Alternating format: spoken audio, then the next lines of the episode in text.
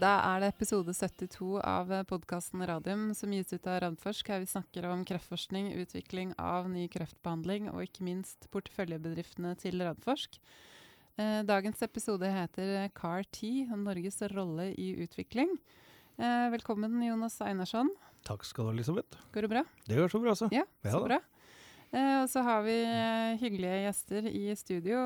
Tarjei Bergdal, nordisk strategisk og operasjonell leder innen medisin og onkologi i Novartis. Ja, det stemmer. Hei. Ja, klarte jeg tittelen. Ja, den er lang og vanskelig. Den er lang og vanskelig. Vi tok den på norsk i hvert fall, Ja. ikke på engelsk. Det. Eh, og så Steinar Omdal, professor emeritus og tidligere, tidligere leder av utprøvningsenheten ved Radiumhospitalet og spesialrådgiver i Ultimax. Det stemmer. Ja, så bra. Mm. Her kan du ikke nikke, altså. Nei, jeg skjønner det. Jeg man må svare. Det høres så dårlig Ja. på lufta. Ja. Eh, vi må ta kort på aktuelt eh, skjedd siden sist, fordi plutselig raste det inn eh, børsmeldinger fra Nordic eh, Nanovektor. Ja. De har henta inn 222 millioner eh, norske kroner i en retta emisjon. De har fått ny styreleder, og de er i gang med en reparasjonsemisjon. Kan ikke du si litt kort? Kort Jo, altså dette, dette er en, eh, da en måte å gjøre det på som er en retta emisjon, ikke en fortrinnsrettsemisjon som vi hadde i PCI Biotech. Og det vil si at de henta da inn eh, direkte 222 millioner eh, til en kurs på 45, som var jo en god rabatt i forhold til det markedet var dagen i forveien. Det er jo vanlig i det. Mm. Eh, og så gjør de en reparasjonsemisjon, og det vil si at de aksjonærene som ikke var med i den eh, første, får da anledning til å kjøpe aksjer til den eh, samme prisen. Eh, om det kommer inn noe mer penger der, får vi nå se. Den er jo på 45 kroner. og Ja. når jeg gikk ut av kontoret i stad, så var den på 41,80, og da okay. kjøper man heller til 41,80 enn 45, men den kan jo gå opp igjen i den perioden også. Vi, vi får se. Men uansett, de har nå fått uh, plassert denne emisjonen som det har vært en del spekulasjoner på når den skulle komme, Mm. Uh, fordi eh, alle vet at de ville jo gå tomme for penger sånn omtrent når de skal sende inn søknaden til markedsføring. Ja. Eh, og det vil si at det da ville være en periode hvor de ikke hadde penger. Mm. Uh, før de eventuelt får markedstillatelse. Da er mm, finansieringen uh, grei. Så eh, for å styrke Jeg tolker det mest som for å styrke sin forhandlingsposisjon, om de trenger å forhandle og skal gjøre det med Big Pharma i denne perioden fram til eh, paradigmestudien er, eh, er ferdig. Eh, så Men sånn- kan det også bety at de tar opp uh, de prosjektene som de har satt uh, litt på vent? Nei. Så Nei. vidt jeg kan se, uh, ut ifra børsmeldingen, så er sånn såkalt use of proceeds, altså hva vi skal bruke penga til, Mm. er å gjøre ferdig det de allerede har igangsatt. Altså paradigmestudien og denne Archer eh, Ja, så de holder One-studien. fokuset. Så de, de, jeg leser det sånn at de holder, holder samme fokus på det. Mm. Eh, og så kan du si at en, en emisjon på 45 er jo litt under den forrige som var på 114, men det er noe markedet som i, i stor grad bestemmer. Det markedet bestemmer. nå er ganske Litt grann shaky om dagen, Ja, kan man ja. trygt si. Og så kom da Egbert Mm. inn som ny styreleder. Det var jo et varsla bytte av eh, styreleder. Mm. Eh, ved siste generalforsamling ble det jo sagt at Ludvig Sandnes da skulle gå av, men skulle sitte inntil de hadde funnet en eh, ny en. Mm.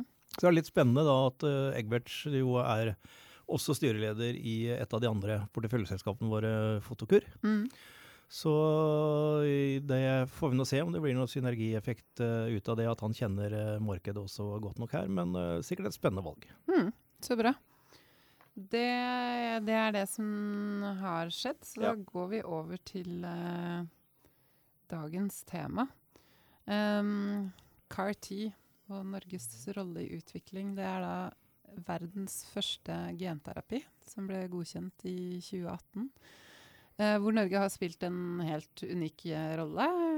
Og hvis vi snevrer det inn, dere to som er her i studio, Tarjei og Steinar, også har spilt en helt unik rolle.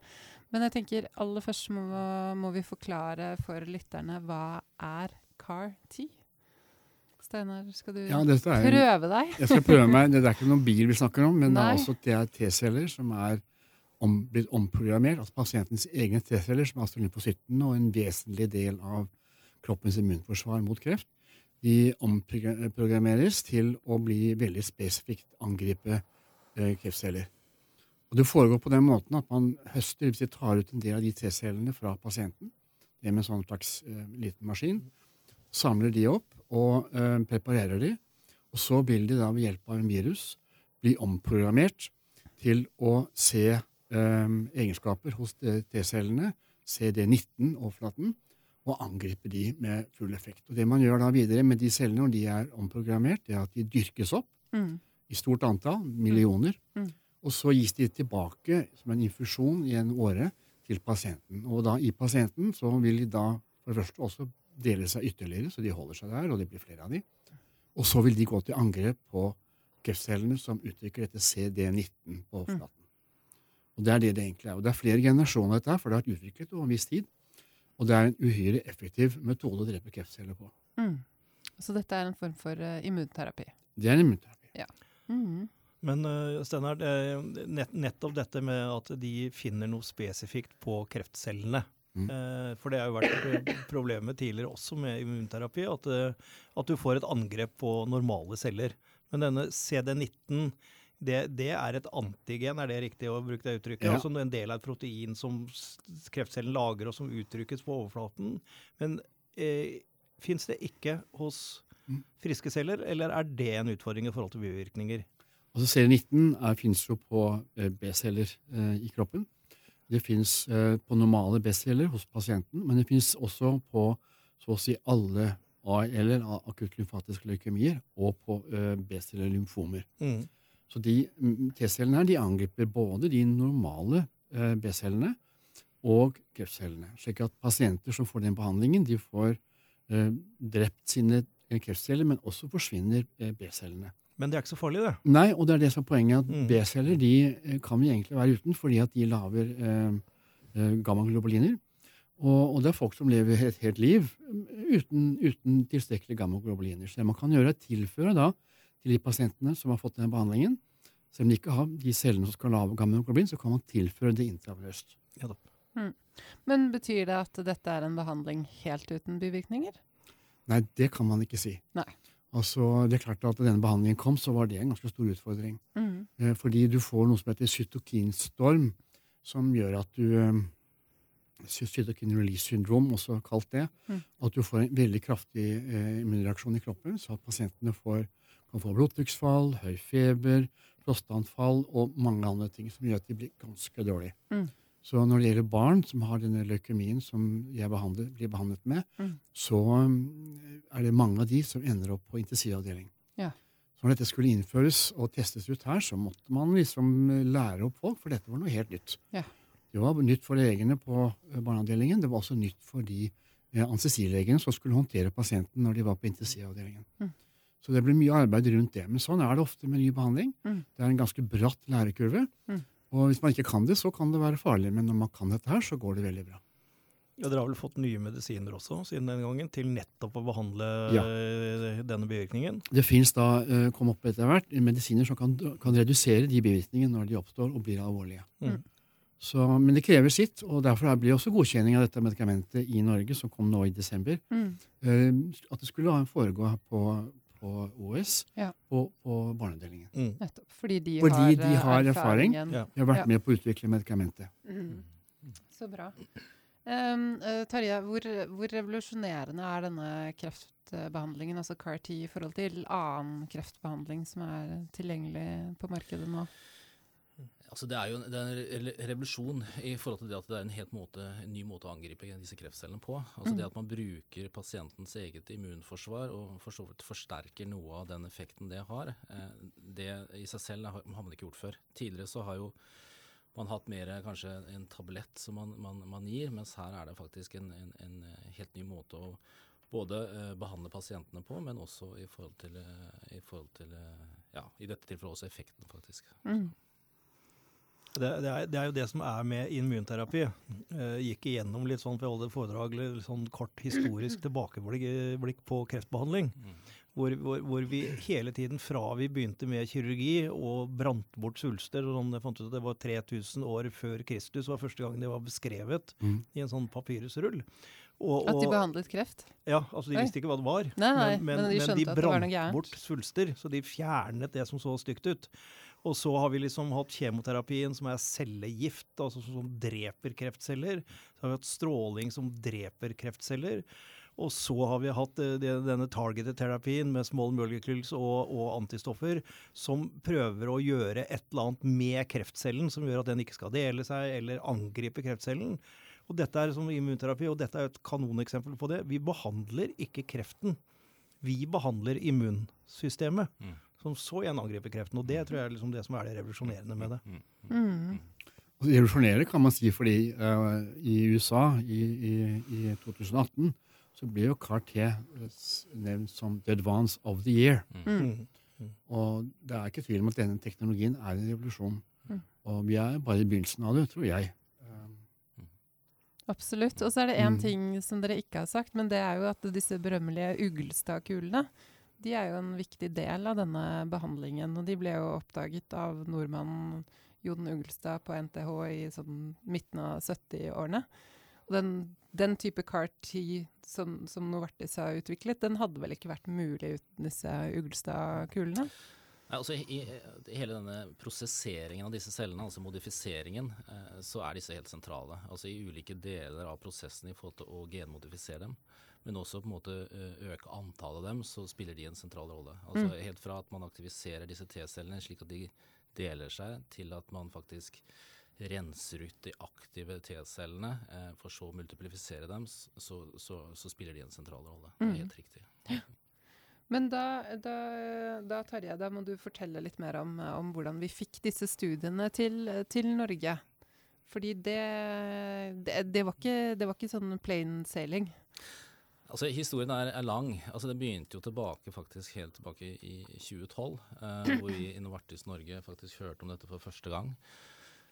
Og Det vi da forsto, var jo at dette her var jo en helt ny eh, type teknologi. Eh, og en, helt måte, en ny måte å adressere kreft på som man ikke hadde gjort, gjort før. Eh, man så også at dette var på mange forskjellige kreftformer. Eh, så, så, her eh, så vi at vi, dette var noe vi ønska å få til Norge. Og det første vi gjorde, var faktisk å ta kontakt med, med Steinar Omdal og Utprøvingsenheten for å høre om interessen rundt dette her. Og jeg må jo si at det, Den kom jo ganske raskt, Steinar. Altså, dere forsto viktigheten dere skjønte, av dette. Skjønte hva det var? Dere forsto viktigheten av dette. her, og, og Så det, det, begynte med det at vi eh, samtidig så det at eh, her var det her var det også andre som var veldig interessert. Det var, jo, det, var jo, sykehus og, og, andre land som også var veldig interessert i å kjøre dette her. Eh, så konkurransen var stor. Eh, mm. vi visste også dessuten at det var bare kun seks sykehus eh, som kunne eller ville få muligheten til å kjøre dette i Europa. Altså seks sykehus som skulle kjøre på barnesiden, og seks sykehus som skulle kjøre på voksensiden. Så vi måtte rett og slett lobbe for dette internt da, for å få det til, å få det til Norge. Og så hadde vi noen fordeler. Vi, det begynte med det at vi faktisk hadde en sertifisering på plass. Mm. Altså Utprøvningsenheten hadde blitt sertifisert å, kunne, til å kunne kjøre tidlig, altså de første studiene på mennesker såkalt TCO-sertifisering. Eh, det var helt grunnleggende. Det var mm. det eneste sykehuset for øvrig i Norden som hadde fått den sertifiseringen. Så det, så det var det. Sånn første sjekk? Det var første sjekken. Ja. Eh, og så, så, kan du si at eh, erfaringen man hadde med utprøvningsenheten i forhold til hva man hadde gjort tidligere, altså man hadde levert i forhold til de studiene som man hadde gjennomført, det var viktig. Mm. Og men kanskje enda viktigere, fasilitetene. Og jeg tror nok denne altså, eh, seksjonen for, eh, for eh, celleterapi altså, var jo helt vesentlig. Altså, at man kunne gjøre afareser, altså skille ut disse T-cellene hos pasientene med den riktige kvaliteten. At de var sertifisert til å gjøre det, at de hadde eh, erfaring med å gjøre det, var helt sentralt. fordi mange sykehus hadde ikke den, eh, hadde ikke den laboratoriet. Så der hadde man på en måte en sånn avansert infrastruktur på plass som var helt nødvendig? Helt klart, og det er veldig sterke, eller klare krav til måte, hvordan disse cellene måtte tas ut. Mm. Og kvaliteten på dem før man da gjør denne celleprosesseringen, er helt avgjørende i forhold til akkurat det trinnet. Mm. Så det var viktig. Og jeg tror eh, Og en annen ting var jo selvfølgelig at både Gunnar Kvalheim og Steinar Omdal også hadde gode kontakter inn mot universitetet i Pennsylvania. Og mm. Carl Jun, som, som, var Altså blir jo sett på på en måte som eh, CAR-T-teknologiens far. Eh, det var også vesentlig. Eh, så i den interne lobbyingen så brukte jo vi veldig mye det som, et, eh, som et, eh, en måte å på en måte argumentere for det. Mm. Og så var det sist, men ikke minst. Eh, jeg sa det at eh, vi hadde jo eh, Oslo universitetssykehus var jo eh, det eneste sykehuset som kunne kjøre dette i Norden. Eh, og vi argumenterte jo for dette her internt i Novartis, at vi ikke bare var et senter for Norge, men Nei. vi vil være et senter for hele Norden.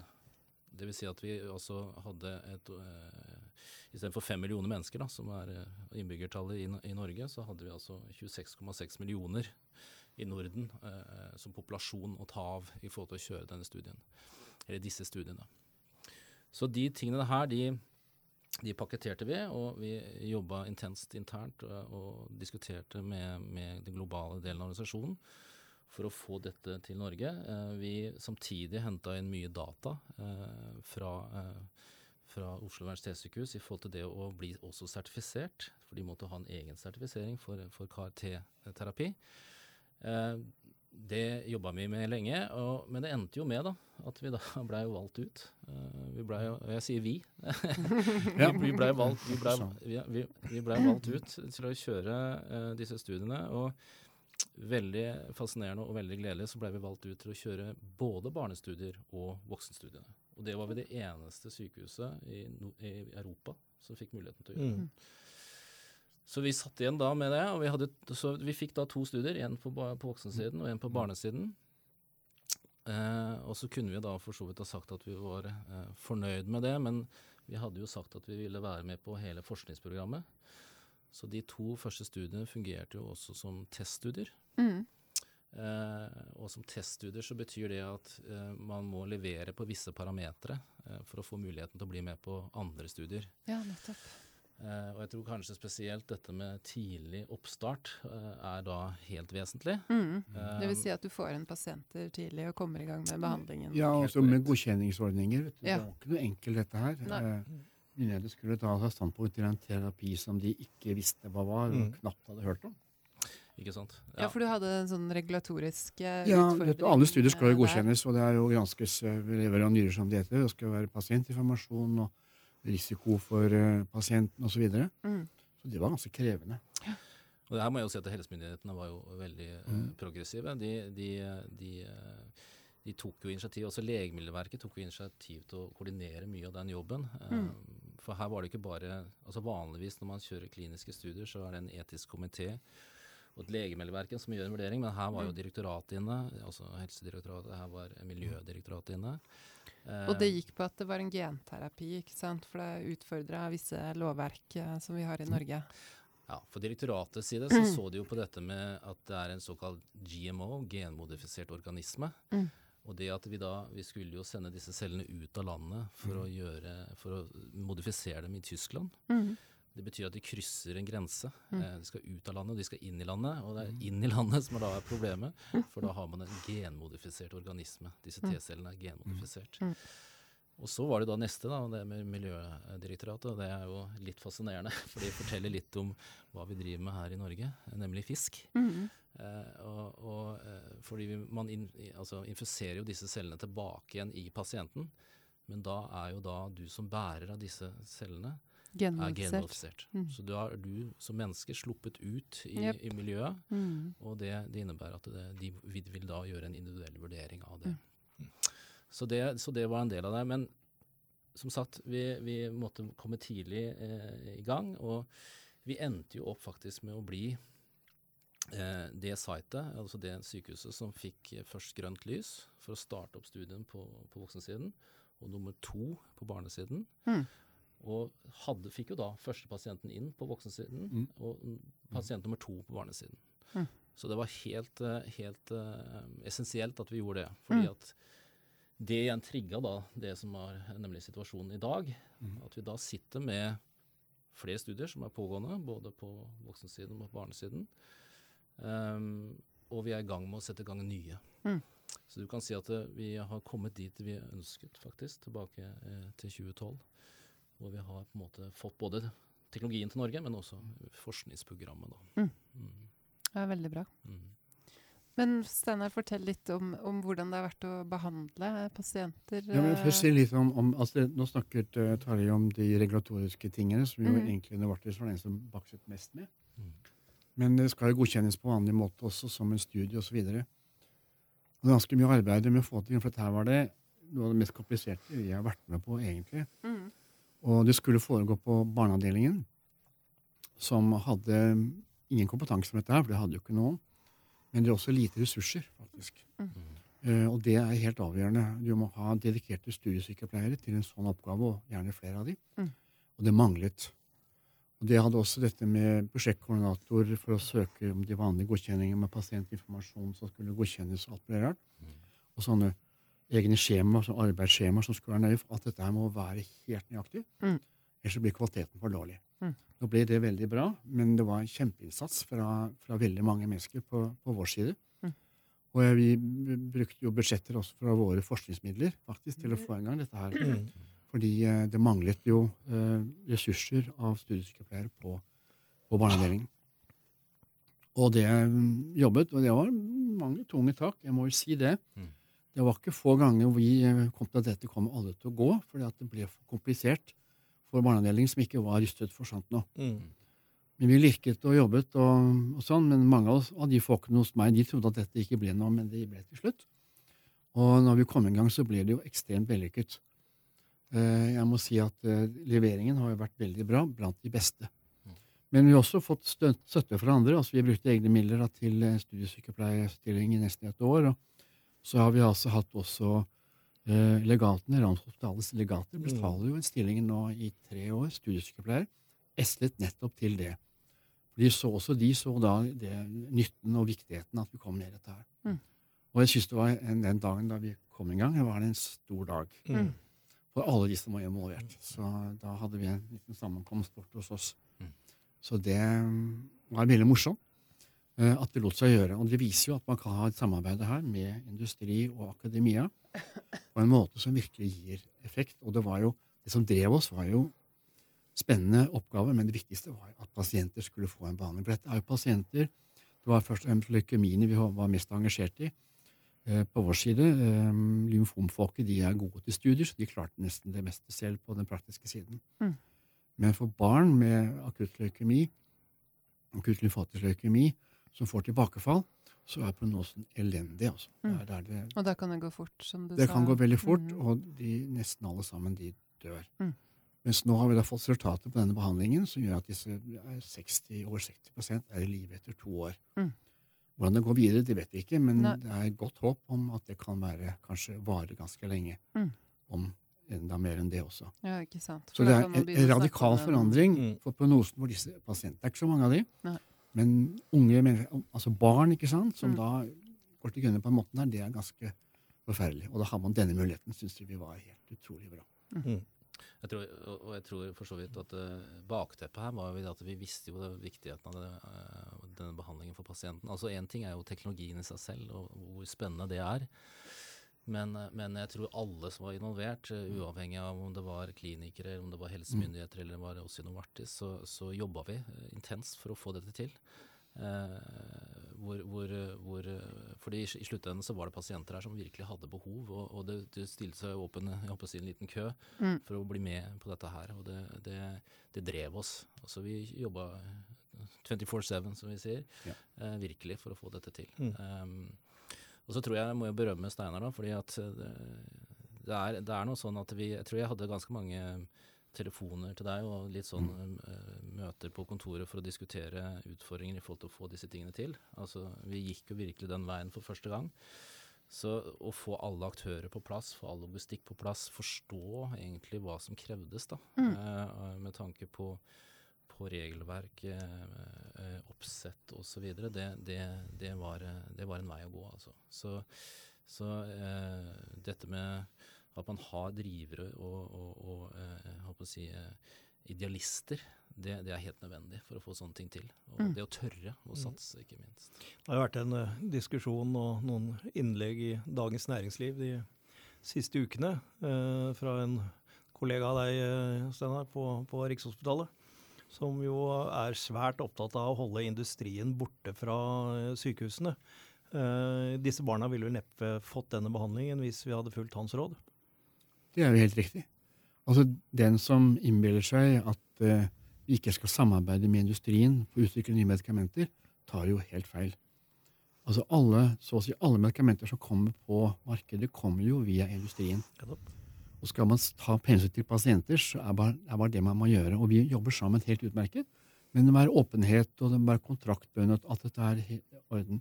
Men det må også tillitsbasert.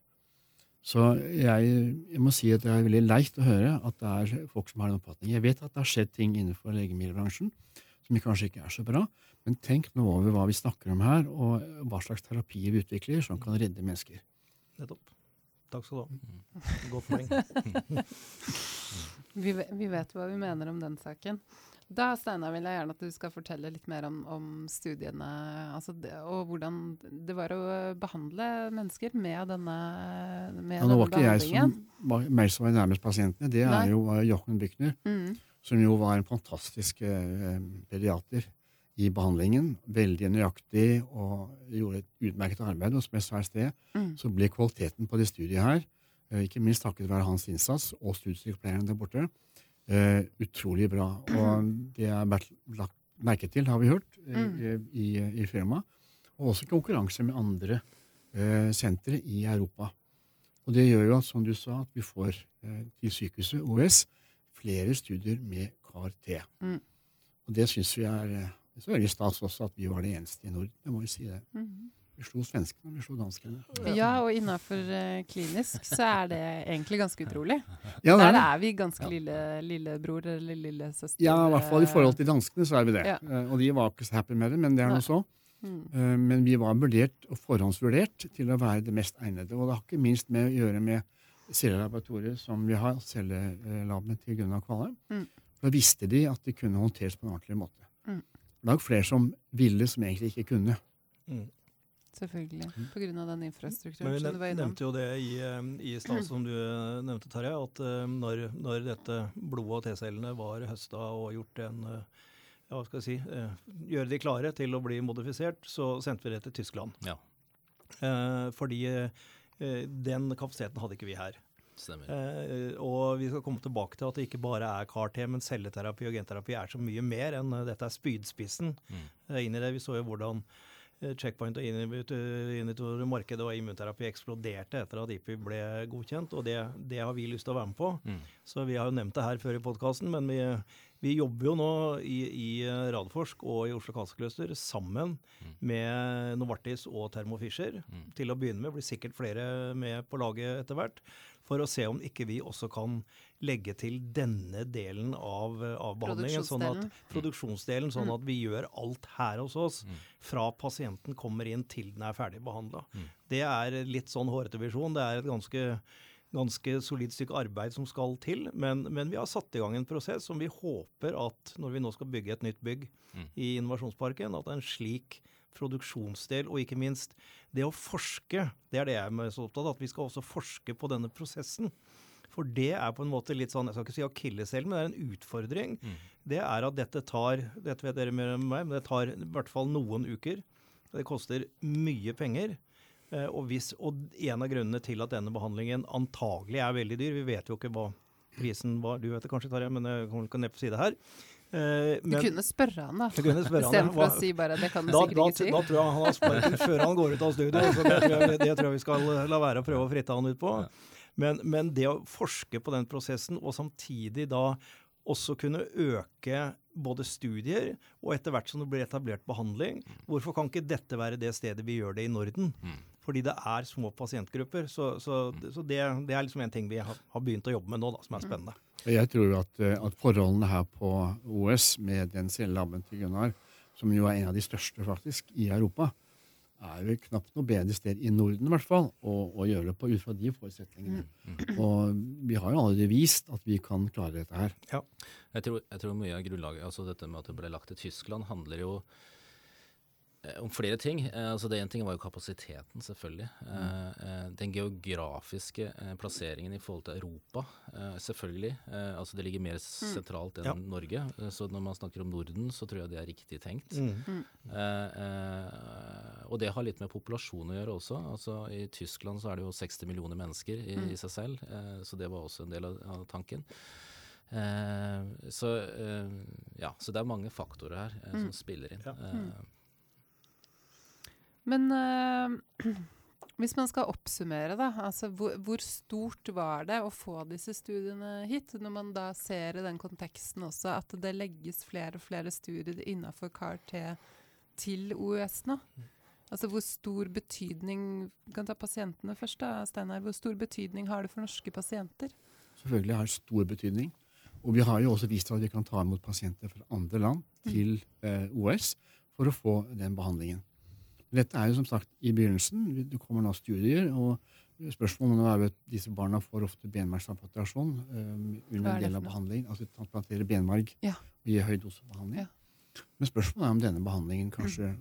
ikke når de får tilbakefall, men kanskje skulle vært tidligere mm. i forløpet. Ja, og Da kan du snakke om pris. Du kan slippe benmargstransplantasjonsgreia, som jo koster ganske mye. Og som er veldig smertefullt, er det ikke det? Ja, Nei, det er risiko for infeksjoner og ja, okay. intensivavdeling ja, og masse skjønner. problemer, egentlig. Mm. Ikke problemer, men, men, det er komplisert behandling, det også, mm. og kostbar. Mm. Så man må sammenligne da med denne terapien som CAR-T og den andre. Så det er stor interesse for det nå eh, i mange miljøer, å teste det eh, hva er best.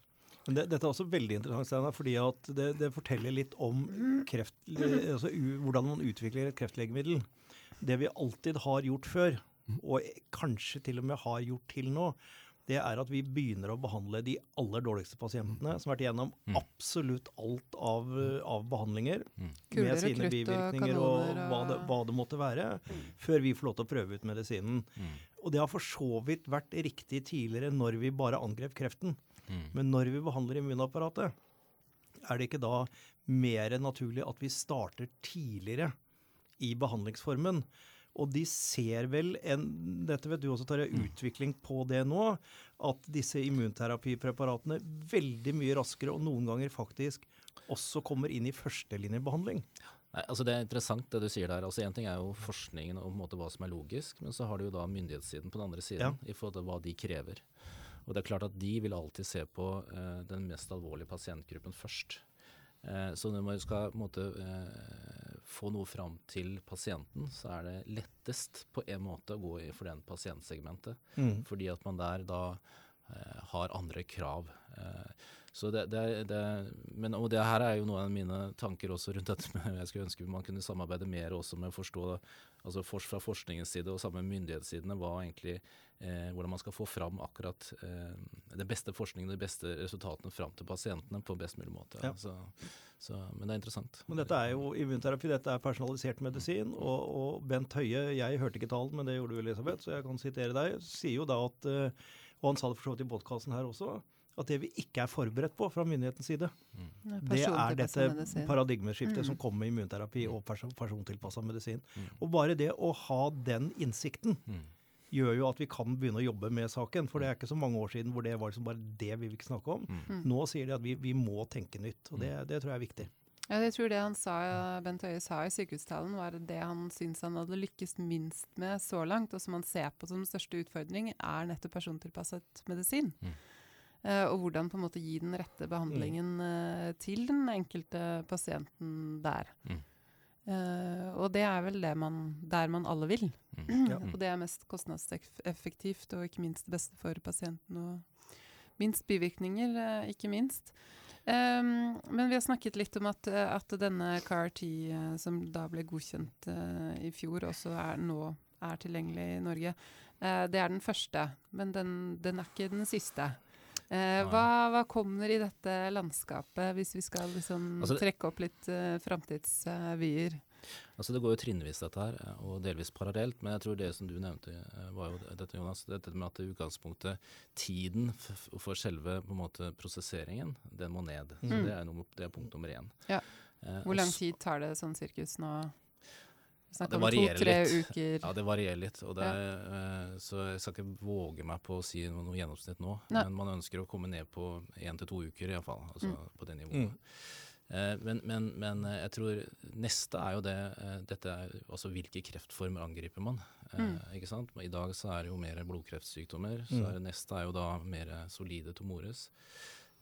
og så er det jo da eh, dette med dual-hemmere, altså dual cards. Mm. Dvs. Si at utgangspunktet Så i dag angriper vi, jeg tror Steinar nevnte det, CD19, et mm. antigen mm. på celleoverflaten. Mm.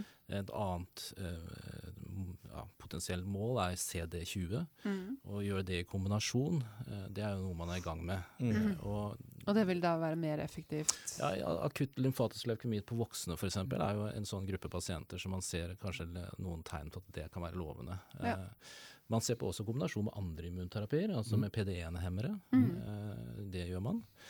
Eh, og så er det jo kanskje det eh, jeg på å si, det store altså det, det med persontilpasset her er jo å gå til det ekstreme. Her tar Mm. man jo ut pasientenes T-celler, og så modifiserer man hver enkelts T-celler.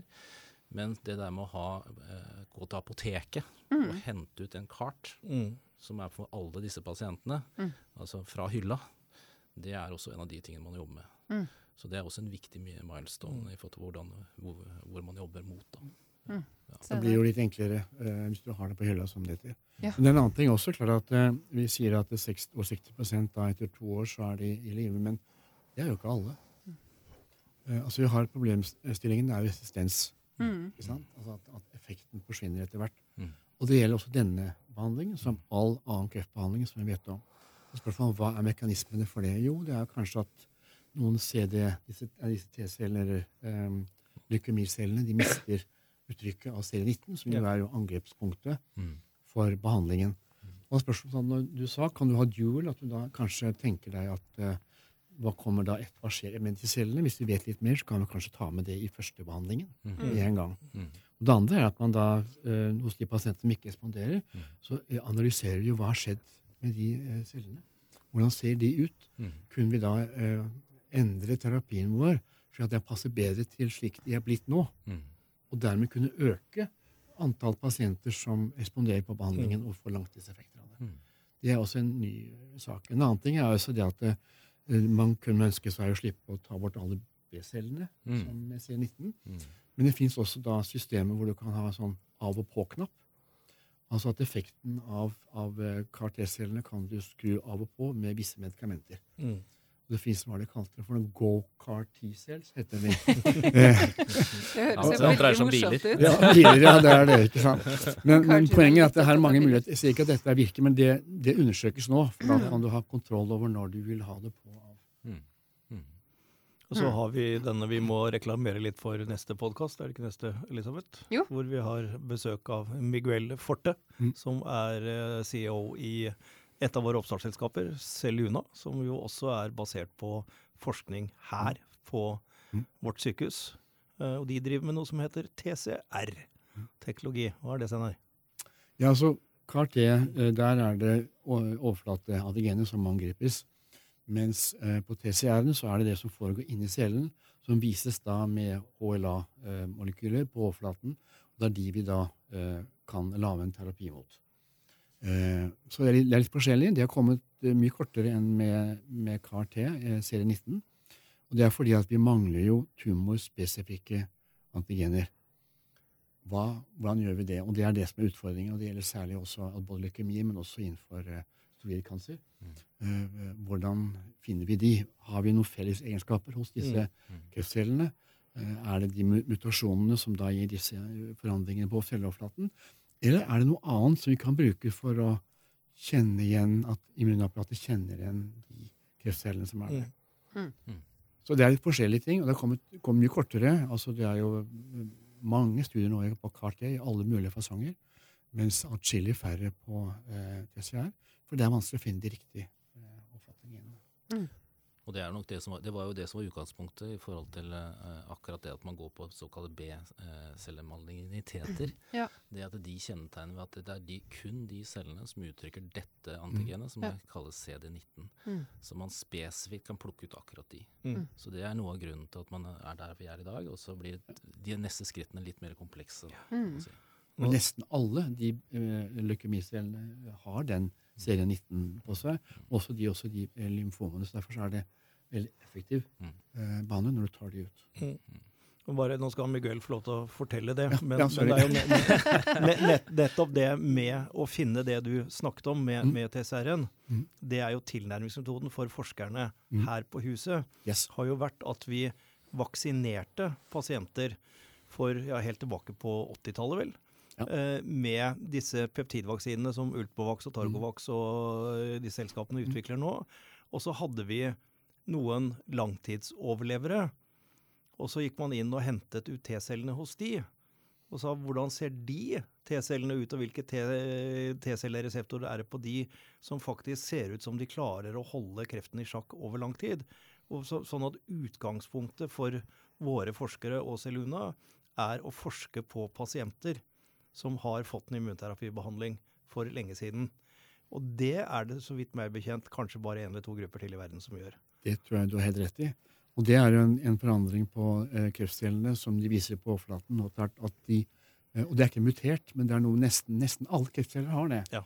For det er en egenskap som såkalte ja, eviglevende eller da, eh, celler har, som kreftcellene jo er. De viser det på overflaten, at de har dette telomerase-enzymet i seg. Ja. Og kan du da ha en, en terapi som angriper nettopp de, så kan du slå ut veldig mange kreftceller, nesten, nesten alle, hvis det virker bra. Hvis det virker bra. Mm. Det er helt korrekt i dette.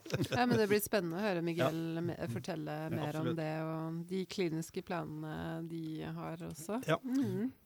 Jeg tenker litt på det med, med for så vidt Du begynte å snakke om dette med, med studiene og hva de på en måte betyr. Altså, mm. når vi snakka om dette med tilbake i 2012 om det å få teknologi til Norge, og så, har, så har mye dette med også klinisk utprøvning å gjøre. Det har mye med informasjons... Eh, eh, hva får si eh, gi, altså opp, eh, opplæring eller måte informasjon om nye teknologier. og det igjen kan spore til ny forskning på eh, de aktuelle stedene. Mm. Altså akademisk forskning som igjen kan gi nye innovasjoner. Så det er også en av driverne, jeg tror. en måte, Det å kunne være først inne med og jeg tenker på det med TSO-sertifiseringen i seg selv. At man får muligheten til å være eh, helt i forkant og kunne bli eksponert for det. Mm. Og også sånn sett ha muligheten til da å koble seg på andre eh, altså forskningsmiljøer utenfor Norge. Eh, Det er en, også en vei inn. Det blir en positiv spiral, det ikke blir en sant? positiv spiral, ja. Mm. Ja, absolutt. Altså, det, pasienter er jo det fokus vi snakker om her. Mm. Men klart spin-offen her er jo at vi får jo kontakter og nettverk Mm. med de fremste sentrene i Europa. Mm.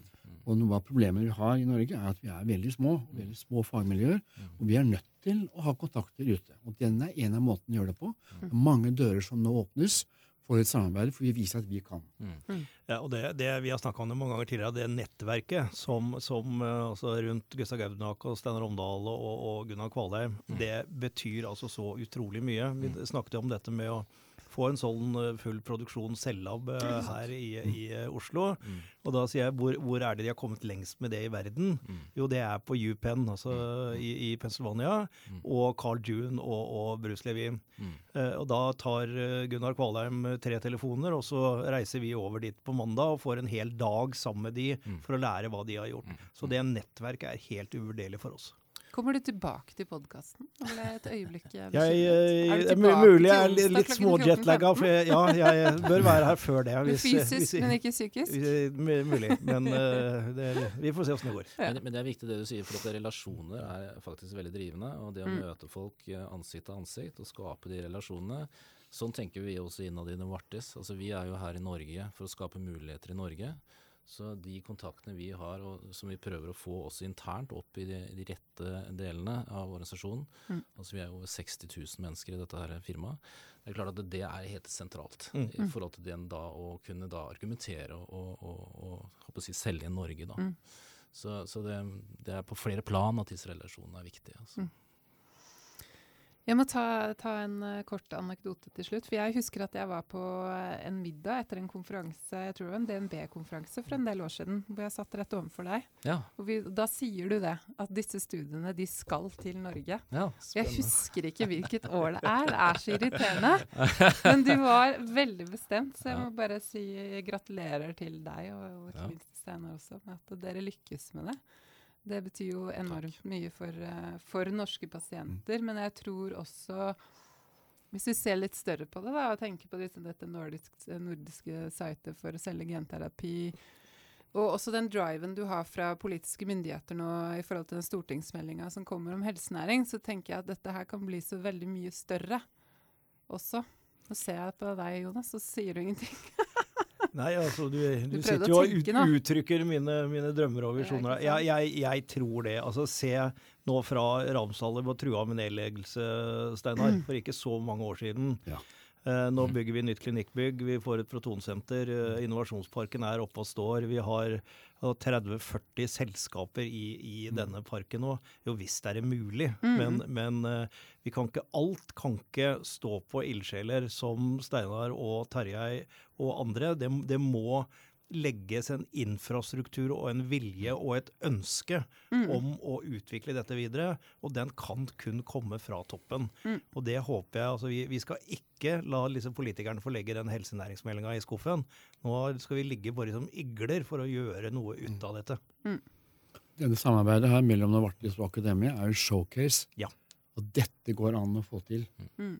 Det er ikke mulig for oss, selv om vi er små, så kan vi gjøre kjempebra arbeid og ha, ha betydning for pasienter på Mm. et høyt nivå, og en terapi som er vanskelig, men vi klarer det likevel. Så vi har som målsetting at dette skal skrives inn som eksempel i helsenæring. Hører du, Tue?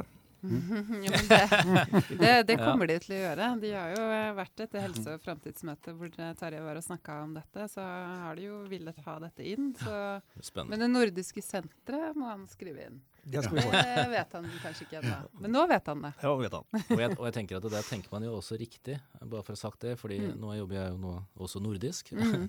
Eh, Men altså en av de tingene man ser da med at ting blir mer og mer persontilpassa, Mm. det betyr jo også at gruppen pasienter blir jo mindre og mindre. Mm. Og igjen så er vi da fem millioner mennesker, da. Det betyr at den andelen blir enda mindre. Mm. Eh, Mens hvis vi tenker nordisk, så har vi altså en større pasientpopulasjon. Så det er logisk. Mm. Så det er det ene. Det andre er altså disse terapiene er komplekse terapier. Mm. Så du må sette opp en infrastruktur spesielt for disse. Så det krever en, en, en, en fasiliteter, det krever personer, det krever i hele tatt eh, penger. Mm. Så hvis du skal tenke Så det betyr logisk igjen at det overføres til en form for center of excellence eh, Mm. for disse terapiene på tvers av landegrensene. Jeg veit hvor de kan hente penga. De kan kutte ut og bygge to protonsentre i Norge. Til tre milliarder. Så, så ikke bli politisk. Jeg bare siterer Dagens Medisin. som Ja, her, ja. Det, det er veldig mange innenfor økologisk miljø, med noen unntak selvfølgelig, som Ja. er ganske enig i den vurderingen. Ja. Men jeg tror altså Norden ligger altså veldig godt an til å ha et samarbeid. Mm. Vi har jo veldig mye felles kultur, vi har felles filosofi i vår eh, behandling. Mm.